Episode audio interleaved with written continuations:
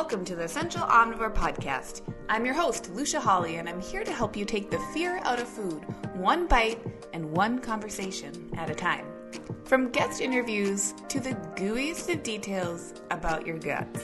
I hope you'll join me in creating space around the subject of our bodies and just what they might be telling us when we slow down and listen closely. Remember that the information provided within this podcast is for general information and educational purposes only and does not provide medical advice, professional diagnosis, opinion, treatment, or services to you or any other individual. Well, this episode has taken me quite a few tries to record. Not because there isn't much to say, but because there's so much to say, and how we can talk about the subject of today, which is around setting boundaries, how this subject cannot inherently be prescriptive. So, when I'm finding myself talking about how to describe, in my opinion, what setting boundaries can do for our health and how we can navigate beginning to set those boundaries or beginning to explore boundary setting, period, I find myself talking about it in a very nebulous way. So, I've recorded a few times, I'm just like, Lucia, try again, try again. So, today, thank you so much for being on the podcast. As always, I am very, very happy you're here. And I want to say that if you've been listening along for a while, I had a previous episode, episode 11 of the podcast, where the conversation was about setting boundaries around diet culture.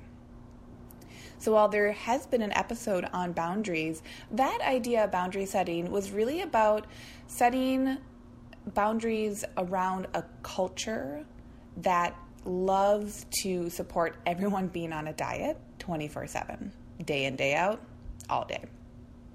So it's more of that macro lens on what we can be doing when it comes to the term boundary and how we're navigating our lives. So go ahead and give that episode a listen if you haven't already because it was really chock full of information. So this episode today, it's along a similar vein. However, we're honing in, we're zooming in. And instead of having that macro lens and macro focus on greater culture, today I'm actually going to be talking about boundary setting from more of an interpersonal perspective. So, more of person to person or person to group, more uh, human versus like big, big community aspect.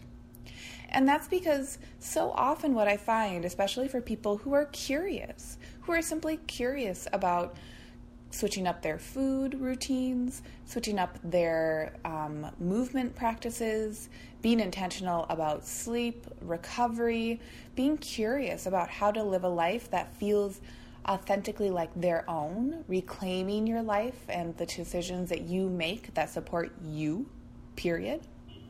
So often, what I find is that in these conversations, especially from people who have had a big revelation or a big change in their wellness, we start to get a bit myopic when it comes to what will offer us more health. And that honestly can be a really great way to focus in and get nuanced and learn around a certain subject. So, what do I mean? I mean, we focus in on our plates and we figure out the foods that merely make us feel good and or maybe we focus on our movement we join a new gym we find a new sport or activity or just physical movement practice or we fall into walking and we fall in love with our movement and we geek out on it maybe we finally figure out a sleep routine that feels oh so good and we had never had that before. Or we didn't know that we could have a wind down routine or that we didn't know that getting enough getting enough sleep could impact the rest of our days in the ways that we perhaps learned later that it does. So we can have these certain areas of focus, but here's the thing about setting boundaries and beginning to dive into what a boundary is. Boundary setting is going to affect every single part of your life, no matter what the boundary is and in which area you're setting it. Because uh, deciding to set boundaries, and it can sound really harsh, and I'll explain how I felt about boundaries initially, and I did not like them initially. What setting a boundary can do and offer to us is they're in essence a pathway. They're a framework or a template or a structure, whichever one of those words resonates most with you, that's what a boundary is. And so for me, when I first heard about boundaries, like I said, I didn't like them. I was like, why would a why would a person who's trying to be kind and or nice need a boundary? Because for me, that when I first really heard the word boundary or it started to come up more and more for me, I would always visualize like a big brick wall. And either I was on one side of the wall and the person or the situation I was trying to set a boundary with was on the other side, or if someone else was setting a boundary or talking about boundary setting, that it was inherently something that was occurring because of an opposition or because of a conflict. And it was creating less dialogue or less expansion in my head, in my visual. It was creating that big wall between people. And for so much of my life with my core values, what I really love is conversation, obviously, with a podcast, you know, like having dialogue, having conversation, holding space for multiple lenses and multiple views on the world and life because that's how we learn. So initially, when I was first learning about boundaries, I was like, gross. I don't really want to do that. And I just want to live my life in a way that, like, if I just keep showing up to being kind, whatever that looks like, whatever that feels like for me, then that will be good enough. Now, here's the tricky part. What I've actually discovered, and this is my personal take, you know, what, what I've actually discovered with boundaries is that setting boundaries, and this might sound cliche for people who have already, you know, dived into the deep end with boundary setting, but setting boundaries is it's one of the nicest things and one of the kindest things, one of the most holistically kind things you can do for yourself. And when you are offering yourself kind actions, I think that karmically that resonates so far and so wide into our lives. Why? Because when we are living lives where we have offered ourselves a path instead of a wall. And this is how my visual has changed. Now, uh, when I hear boundaries, I think, ooh, a boundary is a clear path that someone is walking. And it's not in opposition to other people and their paths. It's not a wall that is separating people. Instead, it's this path that someone can walk. And if others would like to join them, they may also walk that path together. But it is a clear walkway it is open and it is appropriate for that person who is setting it. It's intentional. And that was the missing piece when I was first learning about boundaries that I didn't understand. When I was feeling like they were shutting down or they weren't creating conversation or they were, you know, like just nixing people out of your life and kind of creating this atmosphere of lack or scarcity. What I didn't realize was that creating a boundary is yes, it might be showing someone else, like an interpersonal boundary, it might be showing someone else that you are different and you're going to be trusting yourself. But A, that's the point, and we'll get that more into that later. But when you're setting an authentic boundary, it is inherently kind because of that key word, authenticity that's what I didn't understand before because to me, no boundaries felt authentic because I had a preconceived notion of what a boundary would be. A boundary is this nebulous term, and all it means is that you are making a choice in your life with how you are showing up to a situation, or how you are dealing or not dealing with a situation, or how you contribute to interpersonal relationships. It's simply an awareness and a practice, and perhaps a method, if you even want to call it that, to how you are engaging in different scenarios or situations. And when that root, when that root of how we are choosing to show up is so deeply aligned with what we actually want, when it is so actually authentic to our needs and desires, well, once I realized that, I was like, oh my gosh, boundaries are a no brainer. And boundaries are also a beautiful form of leadership. That was also something that has become abundantly clear to me in the last probably four years, four or five years since I really started to say, like, okay, what are boundaries? What are mine? What am I doing here? Like, why do things feel so funny? Because I was, I was coming to a point in my life where I was feeling like my kindness was niceness. And now I recognize that kindness can fill you up as it's filling someone else up. Niceness is more of a one way interaction. Like kindness is a two way street, it takes two to tango. Niceness, there's a lot of give from one side and not a lot of give back from the other side. And that's what I was finding again in my life interpersonally, I was finding that there were these certain relationships across all spectrums, right? Like, not just, you know, boundaries isn't just when you're dating someone, boundaries are between any, you and any other person or any other situation with people. I was finding that I was feeling really burnt out all the time. And no one was doing anything too cuckoo. Maybe there were a few people who were getting a little intense for me and my desires. And that was finally what clicked for me was recognizing, oh my gosh, I have grown up, and I'll talk about some of the four four tangible ways to assess what boundaries you need and why. Okay, so we're going to get into some tangible tips soon. But I really realized that I had grown up with a certain framework. And that framework was not inherently bad. And that framework served me in an adaptive sense for a long time. And that's why we come up to boundaries. That's why we need to be setting different boundaries as we go through life because we'll have different life experiences. We'll have different periods of life. We'll have different needs of our own, and we'll be interacting with people with their own different set of needs. We'll have different phases of our lives that will require different tools from us. So I think when people hear about boundaries, and I felt this way too, I was like, didn't didn't I learn how to deal with people when I was growing up? Like, isn't that good enough? Isn't that good enough? And then I recognized through practice, oh, oh, it's just like movement or it's just like nutrition. Like, yeah, there might be some core ideas and core templates that you did learn from a younger age. Maybe you learned that eating vegetables was a thing that helps you feel good. Even if you didn't love them, maybe you learned that. Maybe you learned that to feel like you could wake up in the morning going outside for a walk actually felt nice. And even if you don't do that all the time, maybe you learned that. Maybe that was a structure that was offered to you and you remembered it. Same thing with boundary setting.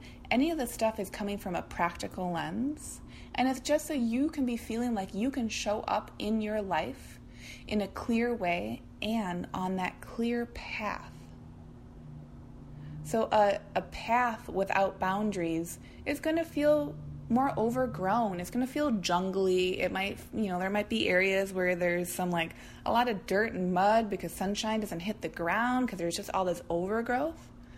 So, boundary setting is like the machete to the jungle where you're doing a little bit of trailblazing. I said little bit, but that trailblazing is what I mean when I say it comes back to leadership it is a very strong and powerful person who can recognize what they authentically need and what template or what structure in their lives will help them to get there. And the last note I'll say before I get into the tangible tips is that the other part for me was setting boundaries was that I didn't want to negate other people's lived experiences. And I think I, I say this as a kiddo who I grew up I was very empathic, and part of me growing up was that I needed to be empathic. That was part of my survival mechanism was being able to intuit what other people to some degree or some capacity what other people were thinking, experiencing or needing.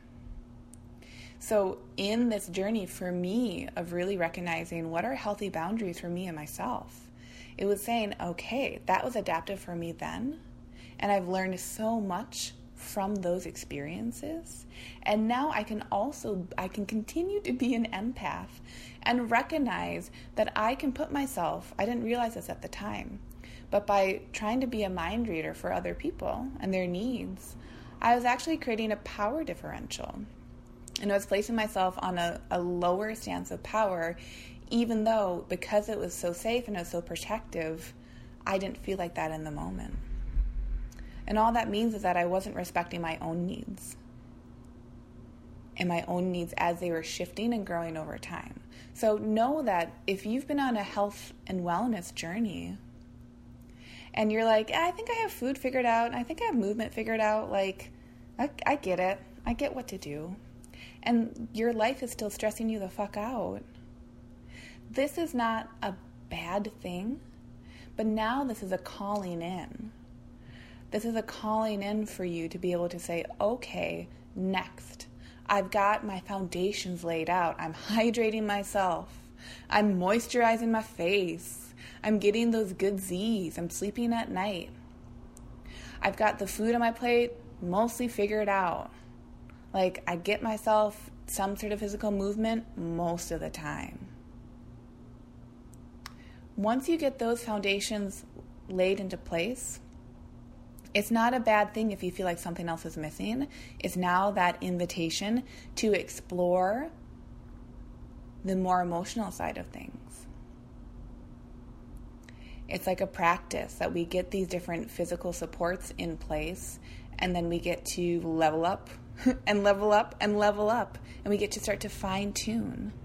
And again, I think that is one of the most beautiful forms of creating an authentic and autonomous life you know, in the course on appetite autonomy that I have for people, we talk about appetite autonomy because it's not saying like you're going to figure out your most perfect life. Perfection is is fake and it's not going to be it's inherently empty. But creating autonomy and creating boundaries that offer you part of that autonomy includes thinking back to the things that you feel like do or don't really work for you.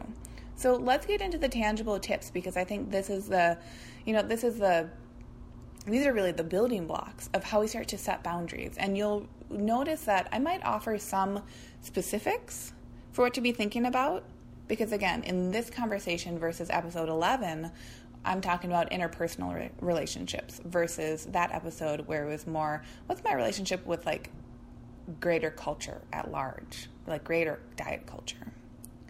So, my first tip when you're deciding to begin to set boundaries with people is I think we've got to give ourselves space to write this stuff down.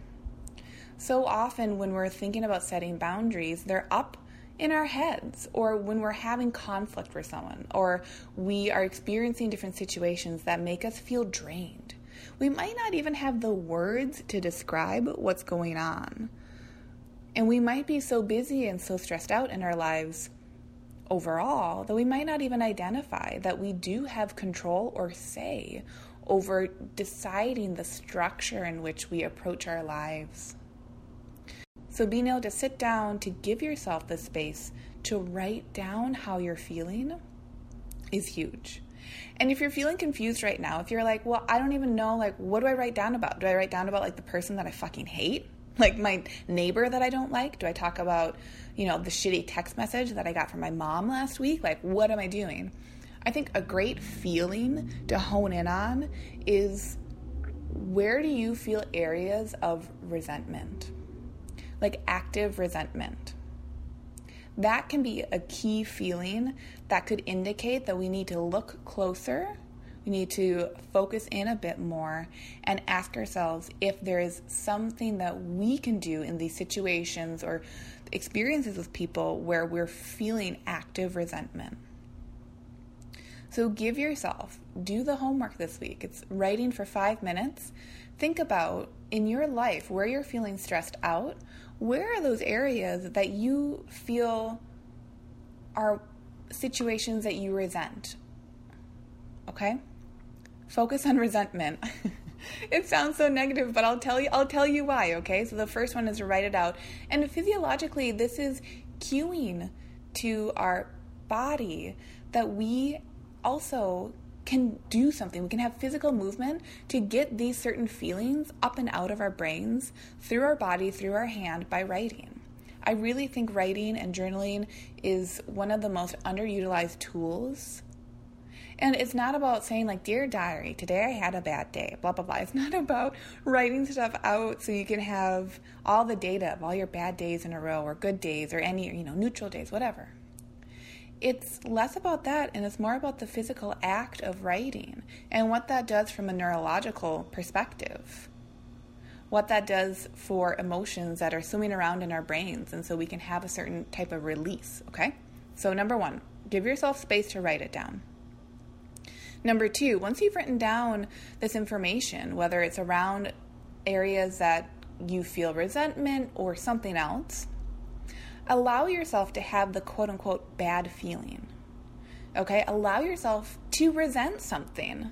I think a lot of us, especially maybe female identified or people who identify as women, we can feel like we shouldn't feel bad or we shouldn't harbor negative i'm using air quotes again like hard ass air quotes that we shouldn't have negative feelings towards other people and that's how i was feeling I was like, let me just think through each scenario so long that I settle it out in my own head and then I can move on. And again, when I was trying to look at this stuff in my own personal life, I was noticing, well, I was doing that. I was thinking things through. I can think, I can think, and I can think, and I can think. But it was never really changing the situation. And it wasn't actually creating clarity in my life. It was just me ruminating at a certain point. So, if you notice that you're ruminating on certain situations where you feel resentment or you feel a similar feeling, give yourself the space to write it down and then allow yourself to have that resentment or have that negative or bad feeling. And especially, it's important when you're writing these things down, this is going to be a practice over time. So, there might be a certain situation where you're like, well, you know what, actually, that wasn't that wasn't too much of a big deal. I was just tired that day or something felt off. I can I can shake it off. That might not be the area where we actually need to be setting a boundary, okay? So there's even play in stuff that brings up resentment or brings up negative feelings for you. But if there are these certain scenarios or feelings that you come back to over time, those are the important ones. And those are the ones that are really calling us to say, Hi, you've got to pay attention because I need to be tweaked. I can offer you insight into why this is contributing to a negative experience daily, weekly, monthly, yearly. Okay? So, number two, allow yourself to have that bad feeling, okay? Let it let yourself resent someone. Let yourself be pissed off. That is important information. Number 3, understand where you are coming from historically. This is also really important for boundaries and boundary setting because it can show us where there might be holes in our system. It can show us where, if we're going back to the visual of that path, it can show us where, you know, maybe the whole path isn't super clear maybe it's mostly clear, but there's some areas that are overgrown or forgotten about, or we could do some trail maintenance on them. Those areas might be areas that we, until recently, hadn't realized were overgrown, and that could be coming from that historical lens. And this is exactly what I was saying when I was sharing my personal experience, right, of growing up and kind of maybe needing to be empathic with those experiences in the present moment, those might be areas that are now overgrown on the path. And that doesn't need to be at odds with our history. Our history can really start to show us oh, this is why this certain area is overgrown. This is why this part of the path is crumbly and I always trip here. So understand that just because you have or have not had a certain boundary in your life, it's not a, a negative thing. All of this is incredibly neutral. And where things can start to feel negative or positive is how in alignment these boundaries are with you and your life and your desires. So, finally, the last step, or one of the last steps, because boundary setting, it's endless, okay? But one of the last steps is along a similar vein, realizing that once you start to set boundaries, because we're talking about boundaries that are interpersonal, this is an area where if you're someone who doesn't really like to upset other people, this is the area that is going to feel really weird and new. Because once you start to set boundaries, people are subconsciously or consciously, intentionally or otherwise, people are going to trip up against them and not know what the fuck to do. So, with a boundary, what I want you to remember, because I think a lot of you who listen on to this podcast, like I think you probably identify with me in one way or another. So, I'm, this is coming from personal experience. Remember that you are not a mind reader even if you're the person who is known for being really good at understanding others, it is not your responsibility to take care of others' emotions to the detriment of you and your lived experience and your emotions. So this is what the boundary is offering us. It's offering us an experience and an opportunity to experience our lives in a way that feels more aligned with what we need and what we need might tap into our core values. What we need might be more space. What we need might be more confrontation. It, what we need might be more opposition. It can be a wide array of what is actually necessary for us to feel like we are becoming and stepping into and walking towards our own authentic needs. And here's my last note on boundary setting just like any other change that we make, when we start to reinforce a boundary, boundaries themselves, like I said before, are neutral. But we, even if we're choosing to show up to a new boundary, we can feel negatively towards that. And why is that? Could be for a host of reasons, but one of the biggest reasons is that we can feel negatively towards the act of setting a new boundary because that boundary setting is change.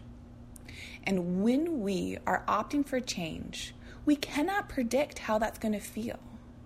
So, change itself is neutral, boundary setting itself is neutral. And we ascribe negativity, positivity, or more neutrality to all of these situations. So, while we're going through a change process, that's an, a neutral thing. But because we don't know what to expect, and because we're in a culture where we're told, hey, know what you're doing, know what you're doing all the time, and know how to do it better, we often feel a lot of pressure to be good at it, or that we have to be good at it, and that if we're not enjoying the experience of doing something new, we must be bad at it and it must be negative. So, this is a bit of a nuanced take on change, okay? The change process in boundary setting or in, you know, changing your food or trying a, a new exercise or trying to get a, a PR in the gym, whatever it's going to be, that change itself is neutral. But because change is novel, we default to assuming that it is hard and negative because we are uncomfortable. And the only way we can start to allow a new boundary to be comfortable is to continue to show up to it and to practice it. We have to start to really get it into our system from a neurological standpoint, from that physiological standpoint. We have to practice it. We have to keep showing up to it, even when it's new. And I love thinking about, I have like a little visual right now of a baby learning to walk. Walking isn't a bad thing. When a baby falls when they're trying to learn how to walk, that's not a bad thing either and they're going to keep falling. It's so cliche, but they're going to keep falling until they learn how to do it. And then what happens then? Well, then they're a baby that knows how to walk. Like, how dope is that? The process was not bad. Process, you could even say, wasn't positive. The process itself was neutral. The, the biggest deal for a kiddo learning how to walk, of course, there are always going to be exceptions, but the biggest deal for that little kiddo learning how to walk is that they keep letting themselves fall because they have a goal. And that goal is authentically aligned with their needs and their body's needs and their developmental needs of walking. So, same thing with boundary setting. A boundary is not a bad thing, and you falling or flailing or not totally knowing how to do it is also not a bad thing. And that doesn't negate the fact that you get to keep showing up to that boundary. You get to keep showing up to it. And if other people have issue with it, usually that's actually an amazing sign that that boundary was exactly what you did need. So not only can we be experiencing that difference in engaging in a change process, but we can also then have it within this realm of being in a social network and being in community. And once we change, well, that network changes, the ties change. And this ties back into the really that sense of recognizing and reminding yourself you are not a mind reader and your needs are not for other people. So, being able to reclaim what you need and recognizing that it will be affecting others is a beautiful thing. And when that dynamic is occurring, what I really want you to walk away with today is the understanding that your change process will affect others' lives and they can have a negative reaction to that change. But that does not mean that your change or what you are practicing is a bad or negative thing, right? So, those are my four slash five tangible tips for setting boundaries. As you heard, yeah, I gave a few tiny examples from my life, but this whole conversation is so nebulous. And the whole idea, the intent behind setting boundaries, is to be able to step into and reclaim authentic, autonomous lives. And that doesn't mean that we are becoming individualistic and that we are negating having relationships and having positive relationships. We're not macheting down, even if we're clearing out the, the jungle on the path. It doesn't mean that we're clearing out every single relationship and telling people how to act. No, no, the boundaries are internal work. And like I said, they might need us to step up and reclaim our voices. They might need us to step away or to the side. They might require plenty of shifts from us, which are going to ripple out and affect other people. But if you're curious if a boundary is for you, you need to practice it. And you need to do that self reflection and have that self awareness, which is only going to come with time with the practice of saying, is this boundary that I'm setting for me and my authentic self? Do I feel like more of myself in the moment? Do I feel like more of myself after the fact? Once I have set the boundary and have experienced the same situation with the new boundary, what happens? So if you're enjoying this podcast, I really would love to hear from you. What have you played around with? Let me know if this episode speaks to you. I would love to know how this impacts what you're doing in your life. If you're one of those people that identifies with, okay, food is in check, enough, movement is in check, enough, uh, sleep is fine, I even meditate sometimes for fuck's sake if you're doing all that stuff and you're still like, I don't like my life, then you got to be able to say, well, what comes next? Take these five tips and journal on them and see what comes up for you, and know that a powerful practice is not a negative practice. And this boundary setting stuff, this whole dialogue, is very, very powerful work because it cuts right to the core and it cuts right to the root of saying, oh my God, what do I want from my life? What do I want from my friendships, from my work relationships? What the fuck do I want? Those are not bad questions, they're powerful questions. And those are questions you are allowed to step into and to be in. And they are feelings that you have every right to be in. That's what I want to reinforce with this episode and with lots of episodes, all the episodes on the podcast, is that you have the right to be doing this thinking and you can trust what you think. You can let yourself practice that. Hey, thanks so much for joining along on today's episode. For full archives of past episodes, hop on over to essentialomnivore.com or subscribe to the Essential Omnivore podcast on Apple Podcasts or Stitcher.